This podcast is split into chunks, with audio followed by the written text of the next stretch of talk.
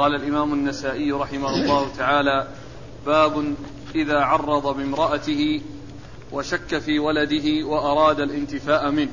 قال أخبرنا إسحاق بن إبراهيم قال أنبأنا سفيان عن الزهري عن سعيد بن المسيب عن أبي هريرة رضي الله عنه أن رجلا من بني فزارة أتى رسول الله صلى الله عليه وآله وسلم فقال إن امرأتي ولدت غلاما أسود. فقال رسول الله صلى الله عليه وآله وسلم هل لك من إبل؟ قال نعم. قال فما ألوانها؟ قال حمر. قال فهل فيها من أورق؟ قال إن فيها لورقا. قال فأنا ترى أن فأنا ترى أتى ذلك. قال عسى أن يكون نزعه عرق. فقال رسول الله صلى الله عليه وآله وسلم وهذا عسى أن يكون نزعه عرق. بسم الله الرحمن الرحيم. الحمد لله رب العالمين. وصلى الله وسلم وبارك على عبده ورسوله نبينا محمد وعلى آله وأصحابه أجمعين. أما بعد يقول النسائي رحمه الله باب إذا عرض بامرأته نعم. إذا عرض بامرأته وشك في ولده وأراد الانتفاء منه. مقصود النسائي من هذه الترجمة هو أن التعريض إذا حصل بالمرأة. فإنه لا يعتبر قذفا لها لأنه قد يوجد ما يقتضي التردد والشك وهو لم يصرح بالقذف ولكنه رأى شيئا استغربه وشيئا لفت نظره. وهو أن لونه يختلف عن لون ذلك الولد الذي جاء له فوقع في نفسه شيء من ذلك فجاء إلى النبي صلى الله عليه وسلم يسأله في هذا الأمر. وقد أورد النسائي حديث أبي هريرة رضي الله تعالى عنه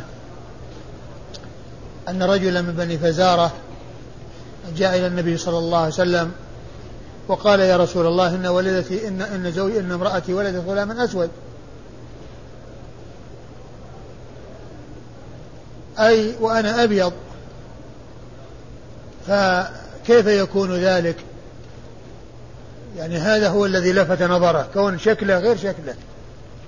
ال ال ال الأب والأم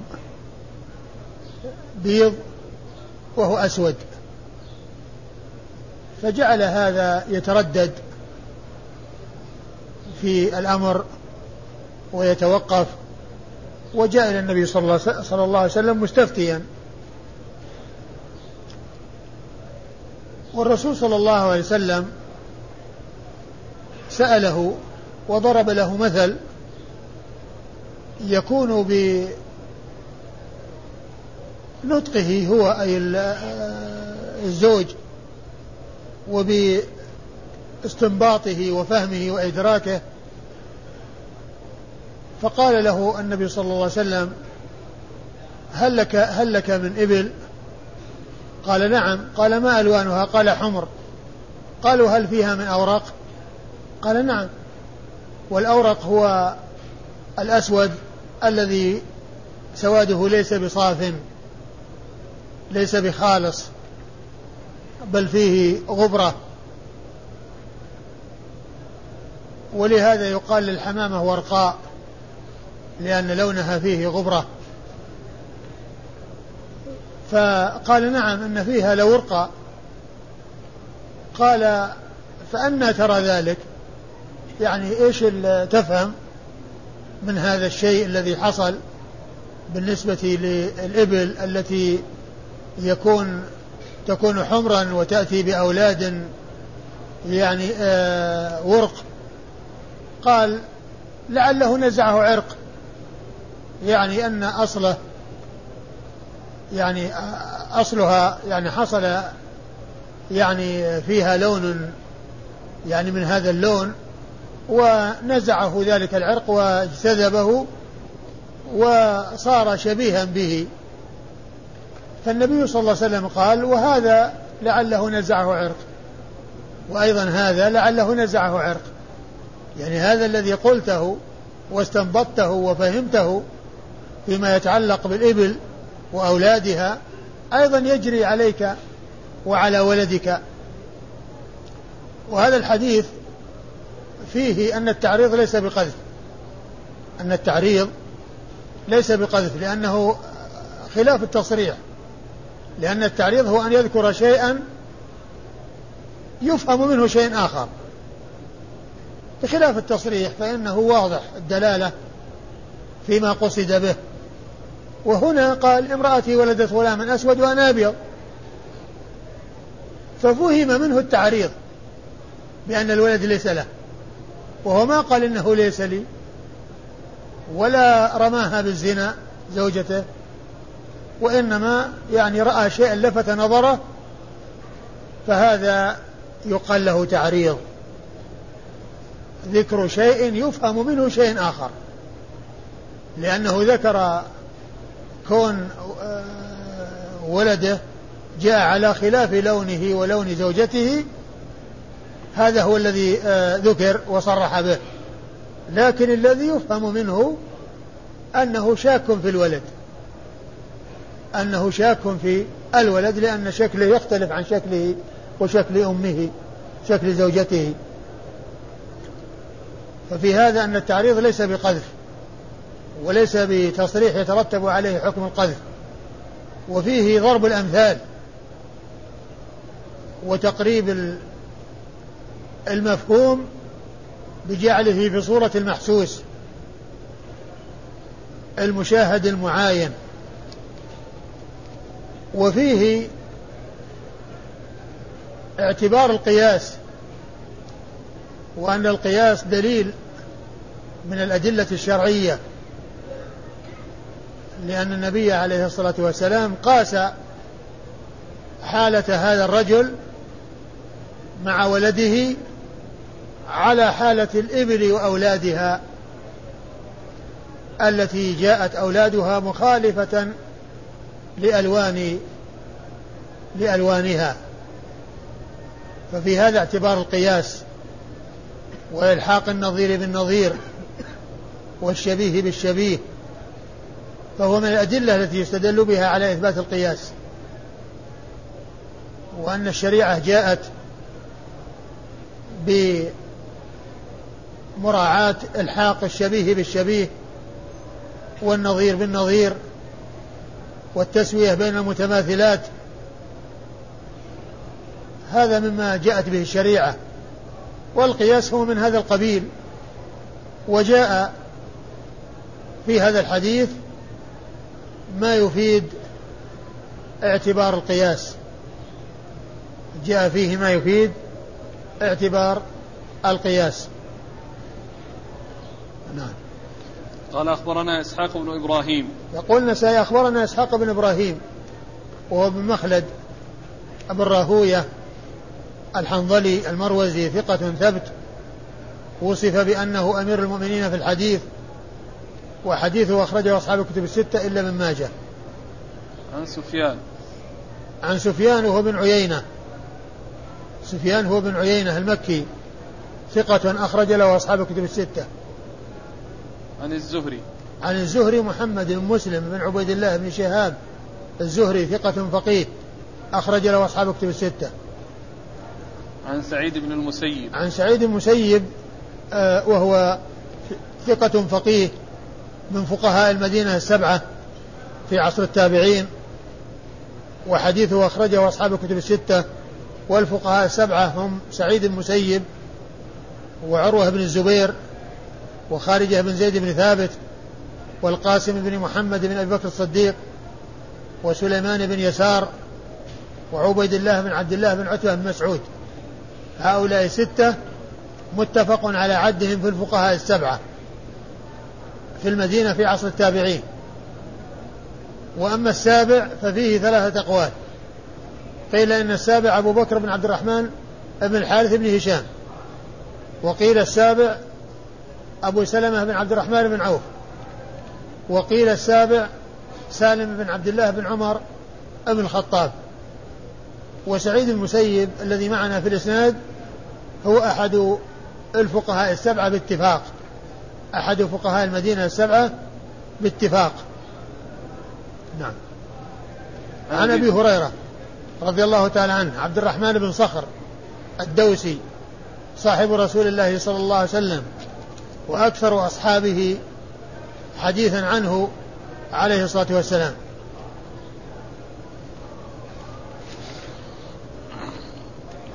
قال أخبرنا محمد بن عبد الله بن بزيع. قال حدثنا يزيد بن زريع. قال حدثنا معمر عن الزهري عن سعيد بن المسيب عن أبي هريرة رضي الله عنه أنه قال جاء رجل من بني فزارة إلى النبي صلى الله عليه وآله وسلم فقال إن امرأتي ولدت غلاما أسود وهو يريد الانتفاء منه.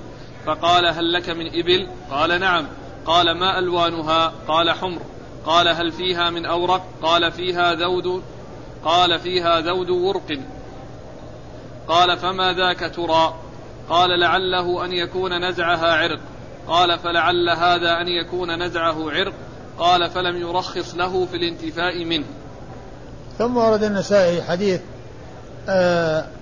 حديث آه أبي هريرة رضي الله عنه من طريق أخرى وهو مثل الذي قبله وفيه الإشارة إلى أنه يريد الانتفاء من ذلك الولد لأن لونه يخالف لونه فشك في هذا الولد.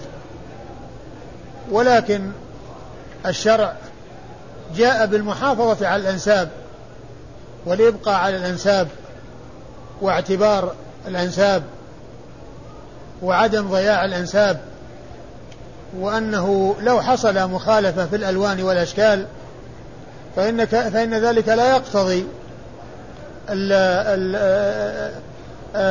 لا يقتضي التخلص أو محاولة التخلص من نسبة الشخص إليه لأن الأشباه والألوان يمكن أن تتفاوت ويمكن أن يكون الأمر كما أرشد إلى ذلك رسول الله عليه الصلاة والسلام بأن يكون أصله فيه هذا اللون ويكون هذا الولد نزعه عرق رجع إلى ذلك الأصل من أصوله فيكون بذلك حوفظ على الأنساب وأبقي عليها ولا يكون هناك مجال للتخلص منها وإضاعة الأنساب لأن حفظ النسب مطلوب ولا يصار إلى إليه إلا ببينة ومجرد الشك والظن والتخمين لا يصلح أن يعول عليه. و وفي آخره قال لم يرخص له في الانتفاع منه لأنه يعني فهم منه أنه أن ذلك الشكل الغريب يعني قد يكون أنه ليس منه ولكنه لما وضح له بالمثال يعني سكت على ذلك. نعم. قال أخبرنا محمد بن عبد الله بن بزيع. أخبرنا محمد بن عبد الله بن بزيع وهو ثقة أخرج حديثه أبو داود مسلم والترمذي والنسائي. مسلم والترمذي والنسائي. عن يزيد بن زريع. عن يزيد بن زريع وهو ثقة أخرج له أصحاب كتب الستة. عن معمر. عن معمر بن راشد الأزدي البصري ثم اليماني ثقة أخرج له أصحاب كتب الستة. عن الزهري عن سعيد بن المسيب عن أبي هريرة. عن الزهري عن سعيد بن المسيب عن أبي هريرة وقد مر ذكرهم. قال أخبرنا أحمد بن محمد بن المغيرة. قال حدثنا أبو حيوة حمصي. قال حدثنا شعيب بن أبي حمزة عن الزهري عن سعيد بن المسيب عن أبي هريرة رضي الله عنه أنه قال: بينما نحن عند رسول الله صلى الله عليه وآله وسلم قام رجل فقال يا رسول الله إني ولد لي غلام أسود. فقال رسول الله صلى الله عليه وآله وسلم فأنا كان ذلك. قال ما أدري. قال فهل لك من إبل؟ قال نعم. قال فما ألوانها؟ قال حمر. قال هل في قال فهل فيها جمل أورق؟ قال فيها إبل ورق. قال فأنا كان ذلك.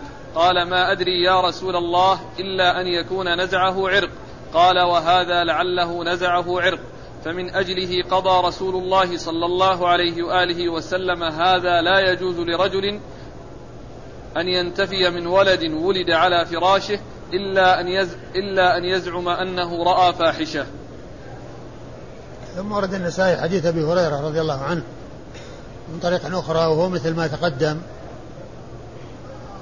وهو مثل ما تقدم في الطرق السابقة في قصة الرجل الذي آه، شك في ولده وعرض في نفيه والرسول صلى الله عليه وسلم قضى له بأن بأنه له ولا يكون لغيره وذلك بالمثال الذي ضربه له أو هو ضربه والرسول صلى الله عليه وسلم وضح له أن الشبيه ملحق بالشبيه والنظير ملحق بالنظير وأنه لذلك لا يجوز أن ينتفى من الولد إلا إذا وجد فاحشة وحصل اتهام صريح بالزنا فعند ذلك ينتفي منه باللعان. ينتفي منه باللعان للزوجة. نعم. قال أخبرنا أحمد بن محمد بن المغيرة. أخبرنا أحمد بن محمد بن المغيرة وهو صدوق أخرج حديثه النسائي وحده. عن أبي حيوة حمصي. عن أبي حيوة حمصي وهو شريح بن يزيد آه ثقة. نعم. أخرج له. أبو داود والنسائي. وهو ثقة شريح بن يزيد ثقة أخرج حديثه أبو داود والنسائي. عن شعيب بن أبي حمزة. عن شعيب بن أبي حمزة الحمصي وهو ثقة أخرج له أصحاب الكتب الستة. عن الزهري عن سعيد بن المسيب عن أبي هريرة. عن الزهري عن سعيد بن المسيب عن أبي هريرة وقد مر ذكرهم. قال باب التغليظ في الانتفاء من الولد. قال أخبرنا محمد بن عبد الله بن عبد الحكم. قال قال شعيب قال حدثنا الليث عن ابن عن ابن الهاد عن عبد الله بن يونس عن سعيد بن أبي سعيد المقبوري عن أبي هريرة رضي الله عنه أنه سمع رسول الله صلى الله عليه وآله وسلم يقول حين نزلت آية الملاعنة أيما امرأة أدخلت على قوم رجلا ليس منهم فليست من الله في شيء ولا يدخلها الله جنته وأيما رجل جحد ولده وهو ينظر إليه احتجب الله عز وجل منه وفضحه على رؤوس الأولين والآخرين يوم القيامة. ثم ورد النسائي هذه الترجمة التغليظ في الانتفاء من الولد. التغليظ في الانتفاء من الولد. يعني كون الإنسان يعني ينفي ولده وهو يعلم أنه ولده المقصود من من الترجمة التغليظ. يعني أن ذلك أمر خطير وأمر عظيم. وأورد النسائي حديث أبي هريرة. نعم. حديث أبي هريرة رضي الله عنه أن النبي صلى الله عليه وسلم قال أيما امرأة أدخلت على قوم من ليس منهم ف فليست من الله في فليست شيء. من الله في شيء ولا يدخلها الله جنته. وأيما رجل جحد ولده وهو ينظر إليه. وأيما رجل جحد ولده وهو ينظر إليه إلا احتجب الله احتجب الله منه وفضحه على رؤوس الأولين والآخرين يوم القيامة. احتجب الله منه وفضحه على رؤوس الأولين والآخرين يوم القيامة. المقصود هو ما جاء في الفقرة الثانية من الفقرتين الواردتين في الحديث وهو أن الرجل يجحد ولده وهو ينظر إليه. يعني الرجل ينظر إليه ويعرف أنه ولده ويعلم أنه ولده ومع ذلك يجحده ويتبرأ منه وينفيه وكذلك أو, أو, أو, أو الولد ينظر إليه أو الولد ينظر إليه متعلق به وهو يتبرأ منه مع أنه يعلم أنه ولده احتجب الله منه يعني فلا فلا يرى الله عز وجل ولا وفضحه على رؤوس الأولين والآخرين يوم القيامة بأن يظهر خزيه ويعلن خزيه على رؤوس الأشهاد يوم القيامة بأنه حصل منه ذلك الأمر المنكر وهو تبرؤه من ولده. وكذلك أيضا ما جاء في المرأة التي أدخلت على قوم من ليس منهم يعني بالزنا يعني كونها زنت ثم ألحق أو نسب الولد إلى صاحب الفراش مع أنه متخلق من ماء الزاني مع أنه متخلق من ماء الزاني فأيما امرأة حصل منها ذلك إيش؟ فليست من الله فليست في من الله في شيء ولم ولا يدخلها ولا الله يدخلها الله جنته. ولا يدخلها ولا يدخلها الله جنته. ومن المعلوم ان أن هذا من أحاديث الوعيد. وكل مسلم ليس من أهل الكفر. فإنه إذا دخل النار ولم يد... و... إذا شاء الله أن يدخل النار ولم يتوب الله عليه ولم يغفر الله له فدخوله النار ليس كدخول الكفار لأن دخول الكفار لا سبيل لهم إلى الخروج منها. أما دخول من ليس بكافر فإنه لا بد وأن يخرج من النار ولا بد وأن يدخل الجنة فمآله إلى الجنة ولا بد. وهذه عقيدة السنة والجماعة في أصحاب الكبائر. أصحاب الكبائر عقيدة أهل السنة والجماعة فيهم أن أمرهم إلى الله عز وجل إن شاء عذبهم وإن شاء عفى عنهم. وإذا شاء تعذيبهم فإنهم يعذبون على قدر جرائمهم ثم يخرجون من النار ويدخلون الجنة ولا يبقى في النار إلا الكفار الذين هم أهلها والذين لا سبيل لهم إلى الخروج منها.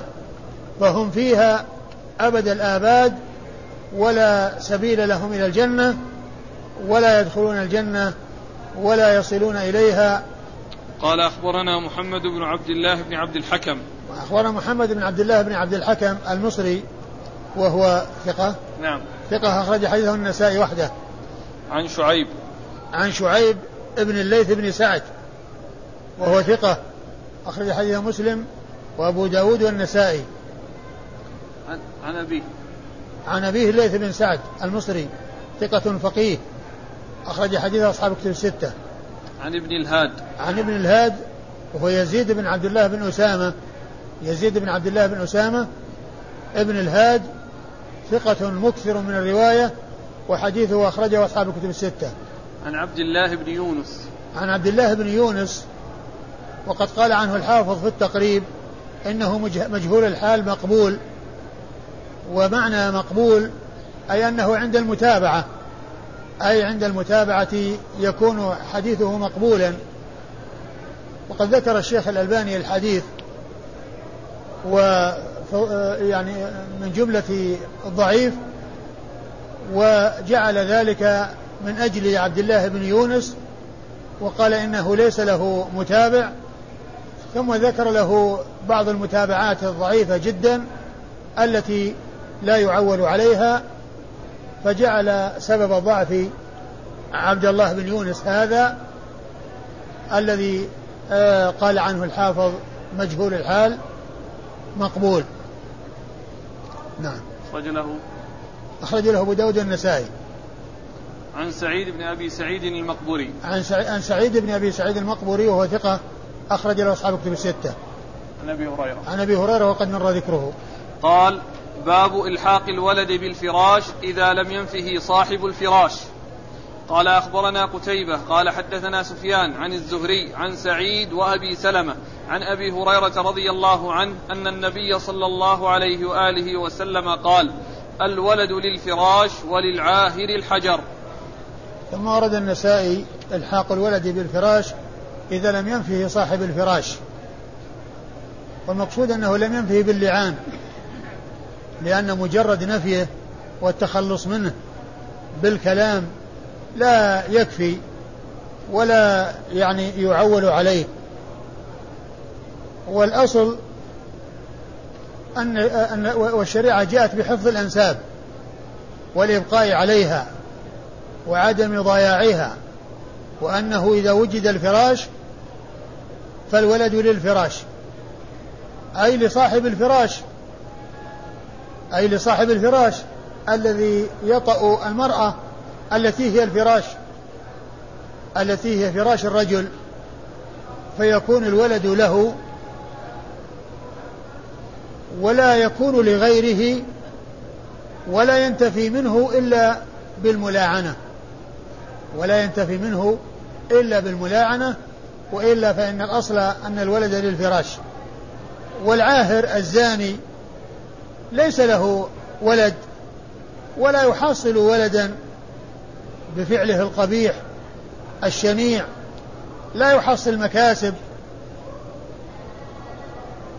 ولا ينسب إليه ولد بسبب زناه بل ليس له إلا الحجر. والمقصود بالحجر قيل هو الخيبة والحرمان وأنه لا يحصل شيئا. بل بل يحصل الضرر. وقيل إن المراد بالحجر أي أنه يرمى بالحجارة لكن ليس كل زان يرمى بالحجارة لأن الرمي بالحجارة إنما هو خاص بالمحصن. أما من يكون بكرا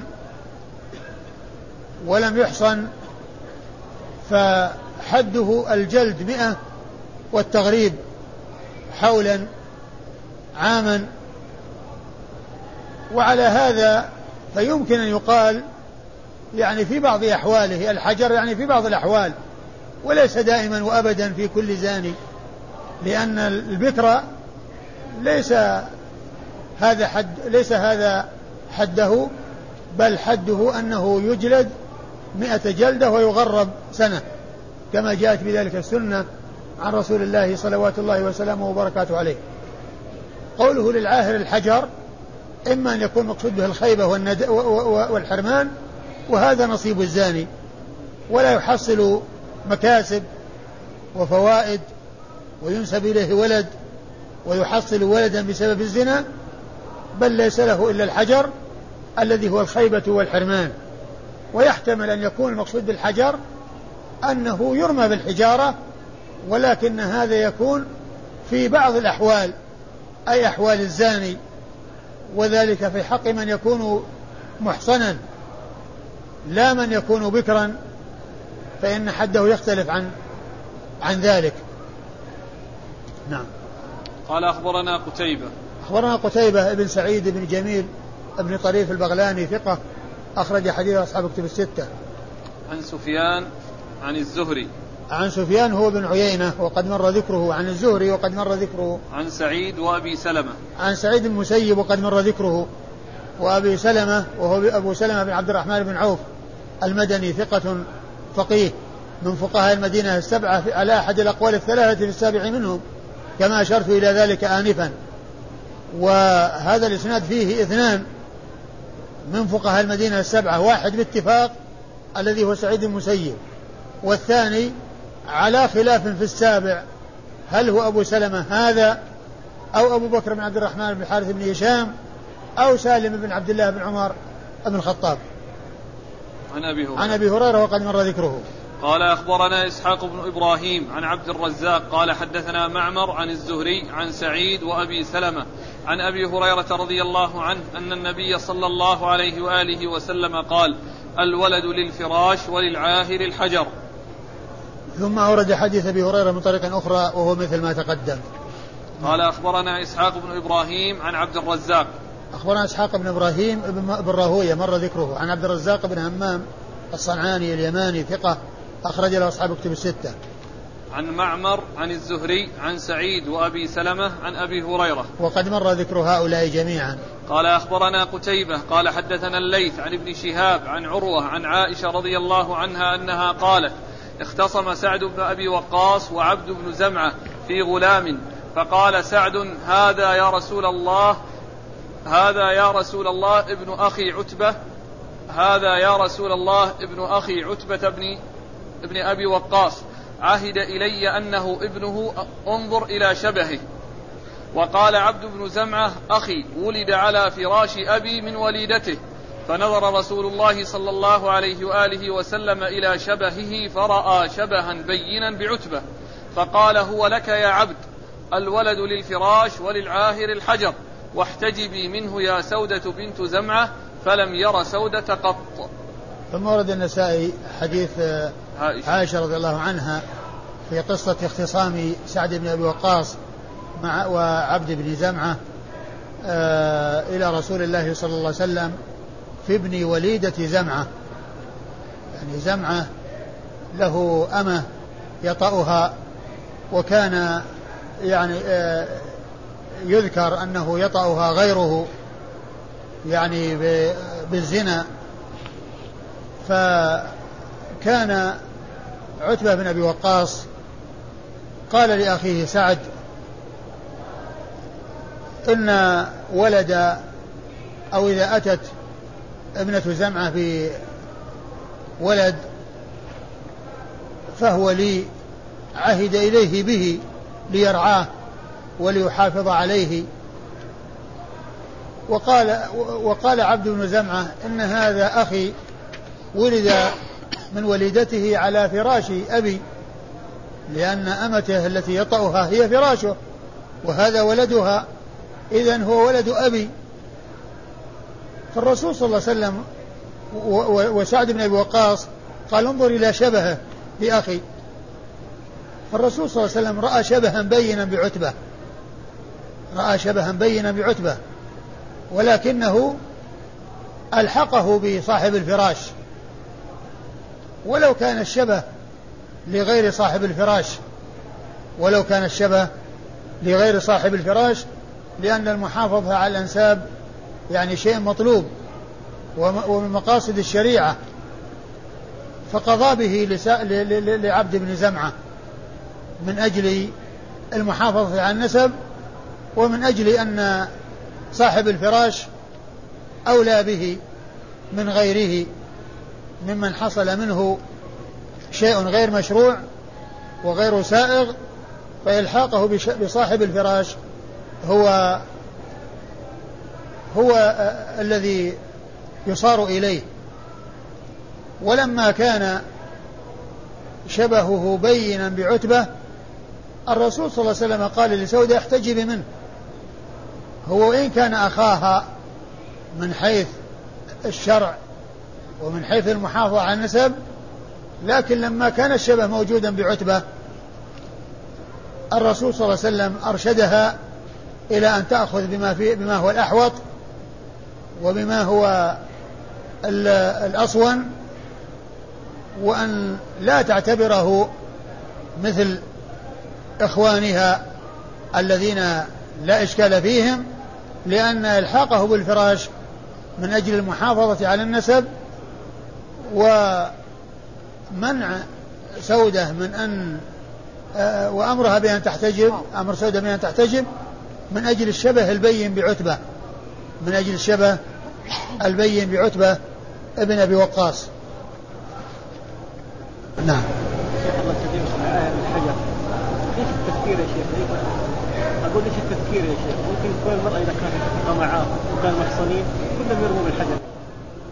صحيح لكن الكلام يعني على على الرجل الذي يعني يعني حصل منه الزنا ويريد ولد يعني ليس له ولد.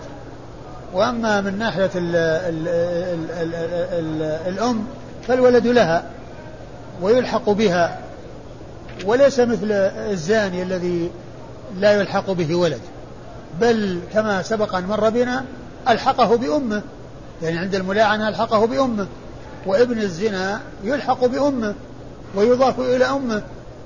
ولكن بالنسبة للزاني هو الذي لا يستفيد من زنا شيء لا يستفيد من زنا شيء. بخلاف الأم فإن الولد ينسب إليها ويكون ولدا لها. وأما الزاني فلا ينسب إليه ولد له الحجارة أو له الخيبة أو الحجر الذي هو حد الذي هو الرجم. لكن ذكر التذكير على اعتبار أن الرجل هو الذي لا يعني ينسب إليه ولد بخلاف الأم فإنه ينسب إليها الولد. ومن جهة أيضا أن الغالب الكلام هو مع الرجال. الكلام هو مع الرجال في الغالب. والنساء تكون تبعا لهم ولها أحكامهم. فيما إذا لم يكن هناك شيء يخصص الرجال عن النساء في الأحكام أو يميز الرجال عن النساء في بعض الأحكام فعند ذلك لا تكون النساء مثلهم. نعم. قال أخبرنا قتيبة عن الليث عن ابن شهاب عن عروة. آه مر ذكر هؤلاء إلا عروة وهو عروة بن الزبير بن العوام ثقة فقيه من فقهاء المدينة السبعة أخرج حديثه أصحاب الكتب الستة. عن عائشة. عن عائشة أم المؤمنين رضي الله عنها وأرضاها الصديقة بنت الصديق التي أنزل الله براءتها مما رميت به من الإفك بآيات تتلى من سورة النور وحفظ الله تعالى بها الكثير من سنة الرسول الكريم عليه أفضل الصلاة وأتم التسليم وهي ذات المناقب الجمة والفضائل الكثيرة رضي الله تعالى عنها وأرضاها. قال أخبرنا إسحاق بن إبراهيم قال أنبأنا جرير عن منصور عن مجاهد عن يوسف بن الزبير مولى لهم عن عبد الله بن الزبير رضي الله عنهما قال كانت لزمعة جارية يطأها هو وكان يظن بآخر يق وكان يظن بآخر يقع عليها فجاءت بولد شب فجاءت بولد شبه الذي كان يظن به فمات زمعة وهي حبلى فذكرت ذلك سودة رضي الله عنها لرسول الله صلى الله عليه وآله وسلم. فقال رسول الله صلى الله عليه وآله وسلم الولد للفراش واحتجبي منه يا سودة فليس لك بأخ. ثم أورد النسائي الحديث حديث عبد الله بن الزبير. حديث عبد الله بن الزبير رضي الله تعالى عنه في قصة آه، في قصة ابن وليدة آه، زمعة وهي مثل ما تقدم في آه، إلا أن ما فيها ذكر اختصام. اختصام سعد وعبد بن زمعة وإنما فيها إخبار سودة رضي الله تعالى عنها للرسول صلى الله عليه وسلم بالذي حصل. فالرسول صلى الله عليه وسلم قال هو ل... ل... هو؟ قال الولد للفراش. قال الولد للفراش. واحتجبي منه يا الولد سودة. للفراش واحتجبي منه يا سودة. واحتجبي منه يا سودة فلم فليس لك بأخ. فليس لك بأخ. يعني ليس لها بأخ. يعني كالإخوان الذين تجري عليهم جميع الأحكام لأن فيه شك وفيه شبهة. فهي فهو من أجل المحافظة على النسب ألحق نسبه بزمعة ولكن من حيث أحكام آه، آه، الأخوة من الدخول عليها والسفر بها والخلوة بها وما إلى ذلك لكون الشبه ليس بأبيها فأمرها صلى الله عليه وسلم بالاحتجاب وذلك احتياطا لأن آه، الشبه بين بالشخص الذي اتهمت به وهو عتبة بن أبي وقاص. قال أخبرنا إسحاق بن إبراهيم عن جرير. إسحاق بن إبراهيم مر ذكره جرير بن عبد الحميد الضبي الكوفي ثقة أخرج له أصحاب كتب الستة. عن منصور. عن منصور بن المعتمر الكوفي ثقة أخرج له أصحاب كتب الستة. عن مجاهد. عن مجاهد بن جبر ثقة أخرج له أصحاب كتب الستة. عن يوسف بن الزبير مولى لهم. عن يوسف بن الزبير مولى لهم وهو مقبول أخرج حديثه. النسائي. أخرج حديثه النسائي وحده. عن عبد الله عن عبد الله بن الزبير رضي الله تعالى عنه صاحب رسول الله صلى الله عليه وسلم وأحد العبادلة الأربعة من أصحاب النبي صلى الله عليه وسلم هم عبد الله بن الزبير وعبد الله بن عباس وعبد الله بن عمر وعبد الله بن عمرو. وحديثه أخرجه أصحاب الكتب الستة. والحديث فيه فيه هذا المقبول ولكن الأحاديث الأخرى التي مرت هي في معناه ودالة على ما دل عليه فيكون ثابتا. الشارح يقول عبارة ليس لك بأخ باطلة. إيش؟ لا هذا قول يعني. أقول هذا قول يعني قال يعني بعض ال يعني آه، أن أن الرواية هذه التي فيها ليس لك بأخ أنها باطلة وأنها مردودة وهذا ليس بصحيح لأنها ثابتة. ليس بصحيح لأنها ثابتة ولكن ليس بأخ. المقصود ليس بأخ كالإخوان الذين تجري عليه معهم جميع الأحكام لأن الأخوة الشرعية من حيث أنه نسب إلى أبيها يعني هما أخوان ولكن الأخوة التي تترتب عليها الأحكام المعروفة ليست لهذا الذي آه، أضيف إلى أبيها وألحق بأبيها ولهذا أمرت بالاحتجاب. فالقول بأنها يعني مردودة وأنها غير صحيحة هذا غير صحيح. ولكن هو هذا معناها. فيوسف بن الزبير قد توبع على الحديث كله لكن هذه اللفظة هل جاءت من غيره؟ يعني الحديث المتقدم ما في هذه اللفظة. والحديث الذي سيأتي ما في هذه اللفظة. ما في إلا من رواية يوسف بن الزبير. ما أدري هل يعني هو فيه إذن في عبارة أخرى التي ذكرها الشارح لما ذكرها يعني ذكر لفظين. يعني في الروايات التي أشار إليها. قال ليس لك بأخ أو ليس أخ لك أو كذا. يعني ذكر روايات ما هي رواية واحدة. بس ما أدري من خرجها. ما فيها ذكر هنا الشرح ما في. لا في في الحاشية. إيه في الحاشية ما في ذكر. شرح بس اللفظ الموجود ما ذكر أن هناك لفظ آخر. لا هو اللي قال مردودة وين؟ هو اللي قال فيها مردودة. إيه لأنه جاء في رواية احتجبي منه فإنه ليس لك بأخ. أيوة. هي نفس هذه الرواية. لا ما في رواية ثانية. لا وقوله ليس لك بأخ لا يعرف بس. شوف كلام السندي. لعل هذا كلام أقول هذا كلام آه، آه، إحدى الحاشيتين. الحاشية الثانية. فليس لك بأخ السندي فيه أي في استحسان الدخول ثم قيل قال وقيل هذه الزيادة غير معروفة هذا الحديث بل هي زيادة باطلة مردودة. بس. ومنهم من تمسك بها فقال بعدم الإلحاق بل أعطى عبد بن زمع الولد على أنه عبده. وهذا تأويل بعيد. إيه؟ هذه نفس الرواية الموجودة. على كل ما ما أتذكر الآن يعني يعني قضية لكن المقصود ب يعني بها هو ما ما ذكرت. يعني ليس لك بأخ يعني من حيث الأخوة الكاملة التي تترتب عليها جميع الأحكام وإلا من حيث النسب هو هو منسوب إلى أبيها. نعم. قال أخبرنا إسحاق بن إبراهيم. قال حدثنا جرير عن مغيرة عن أبي وائل عن عبد الله. عبارة السيوطي وش قال؟ السيوطي ما تعرض للعبارة دي؟ هو هذا اللي ذكرته أولا. قال وزعم بعض الحنفية أنه إنما أمرها بالاحتجاب لأنه جاء في رواية احتجبي منه فإنه ليس بأخ لك. أيوة. هي نفس هذه الرواية اللي معنا؟ أيوة نعم. وقوله ليس بأخ لك لا يعرف في هذا الحديث بل هي زيادة باطلة مردودة. أيوة. بس. نعم. نعم. إيش؟ إيه؟ لا هو لا زعم بعض الحنفية. ينقل عن المازري. قال المازري وزعم بعض الحنفية نعم.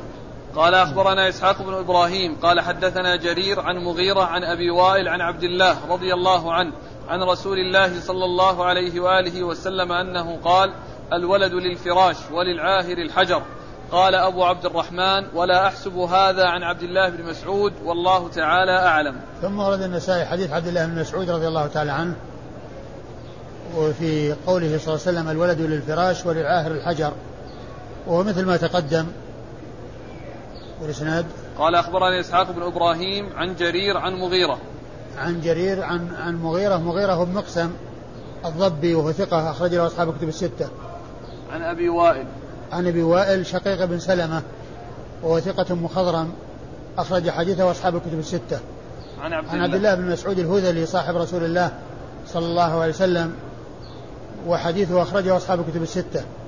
وقال النسائي بعد ذلك لا أحسب هذا الحديث عن ابن مسعود لأن غير النسائي وكذلك النسائي رووه عن جماعة غير ابن مسعود ولم يروه عن مسعود إلا النسائي والنسائي قال لا أحسبه عن عبد الله بن مسعود لأن الذين رووه من الصحابة ليس فيهم ابن مسعود إلا في هذه الطريق لكن لا يمنع أن يكون عند ابن مسعود وعند غيره. ولو كان من هذه الطريق الواحدة ولو كان من هذه الطريق الواحدة. ثم أيضا الولد للفراش وللعاهر الحجر هذا لفظ ثابت. يعني بالطرق بالأحاديث المختلفة عن رسول الله صلى الله عليه وسلم الثابتة في الصحيحين وفي غيرهما. نعم. قال باب فراش الأمة. قال أخبرنا إسحاق بن إبراهيم قال حدثنا سفيان عن الزهري عن عروة عن عائشة رضي الله عنها أنها قالت اختصم سعد بن أبي وقاص وعبد بن زمعة في, في, ابن, في ابن زمعة. قال سعد أوصاني أخي عتبة إذا قدمت مكة فانظر ابن وليدة زمعة فهو ابني. فقال عبد بن زمعة هو ابن هو ابن أمة أبي ولد على فراش أبي. فرأى رسول الله صلى الله عليه وآله وسلم شبها بينا بعتبة. فقال رسول الله صلى الله عليه وآله وسلم الولد للفراش واحتجبي منه يا سودة. ثم ورد النسائي هذه الترجمة وهي فراش الأمة. وهي فراش الأمة. يعني أن الأمة إذا كانت فراشا فإنه يلحق الولد بصاحب الفراش. كما يلحق به فيما إذا كان فيما يتعلق بالزوجة. لا فرق بين فراش الأمة وفراش الزوجة. الأمة الموطوءة والزوجة الموطوءة حكمهما واحد. من حيث أن كل منهما فراش وكل منهما يحصل به الإلحاق بالنسب ولا ولد يكون للفراش. سواء كان ذلك الفراش زوجة أو أمة. سواء كان ذلك الفراش زوجة أو أمة. مقصود النسائي من, من هذه الترجمة فراش الأمة أي أن أي أن أن, أن, أن ما يحصل من ولد فإنه يضاف إلى السيد الذي يطأ كما أن ذلك يكون بالنسبة للزوجة. لا فرق بين الأمة والزوجة. كل منهما في ذلك سواء. الكل منهما فراش والولد ينسب إلى صاحب الفراش سواء كان فراشه زوجة أو أمة. سواء كان فراشه زوجة أو أمة. وأورد النسائي حديث آه، عائشة. في قصة اختصام آه، سعد بن أبي وقاص وعبد بن زمعة وحكم النبي صلى الله عليه وسلم لعبد بن زمعة من أجل الفراش من أجل الفراش. الحديث سبق أن مر وأورده هنا من أجل آه، إثبات أن فراش الأمة كفراش الزوجة وأن الولد ينسب إلى السيد إذا كانت أمته إذا كان يطأ أمته آه، كما ينسب إلى إليه لما يحصل من زوجته لا فرق بين الزوجة والأمة في ذلك نعم قال أخبرنا إسحاق بن إبراهيم عن سفيان إسحاق بن إبراهيم عن سفيان بن عيينة مر ذكرهم عن الزهري عن عروة عن عائشة عن الزهري عن عروة عن عائشة وقد مر ذكرهم والله تعالى أعلم وصلى الله وسلم وبارك على عبده ورسوله نبينا محمد وعلى آله وأصحابه أجمعين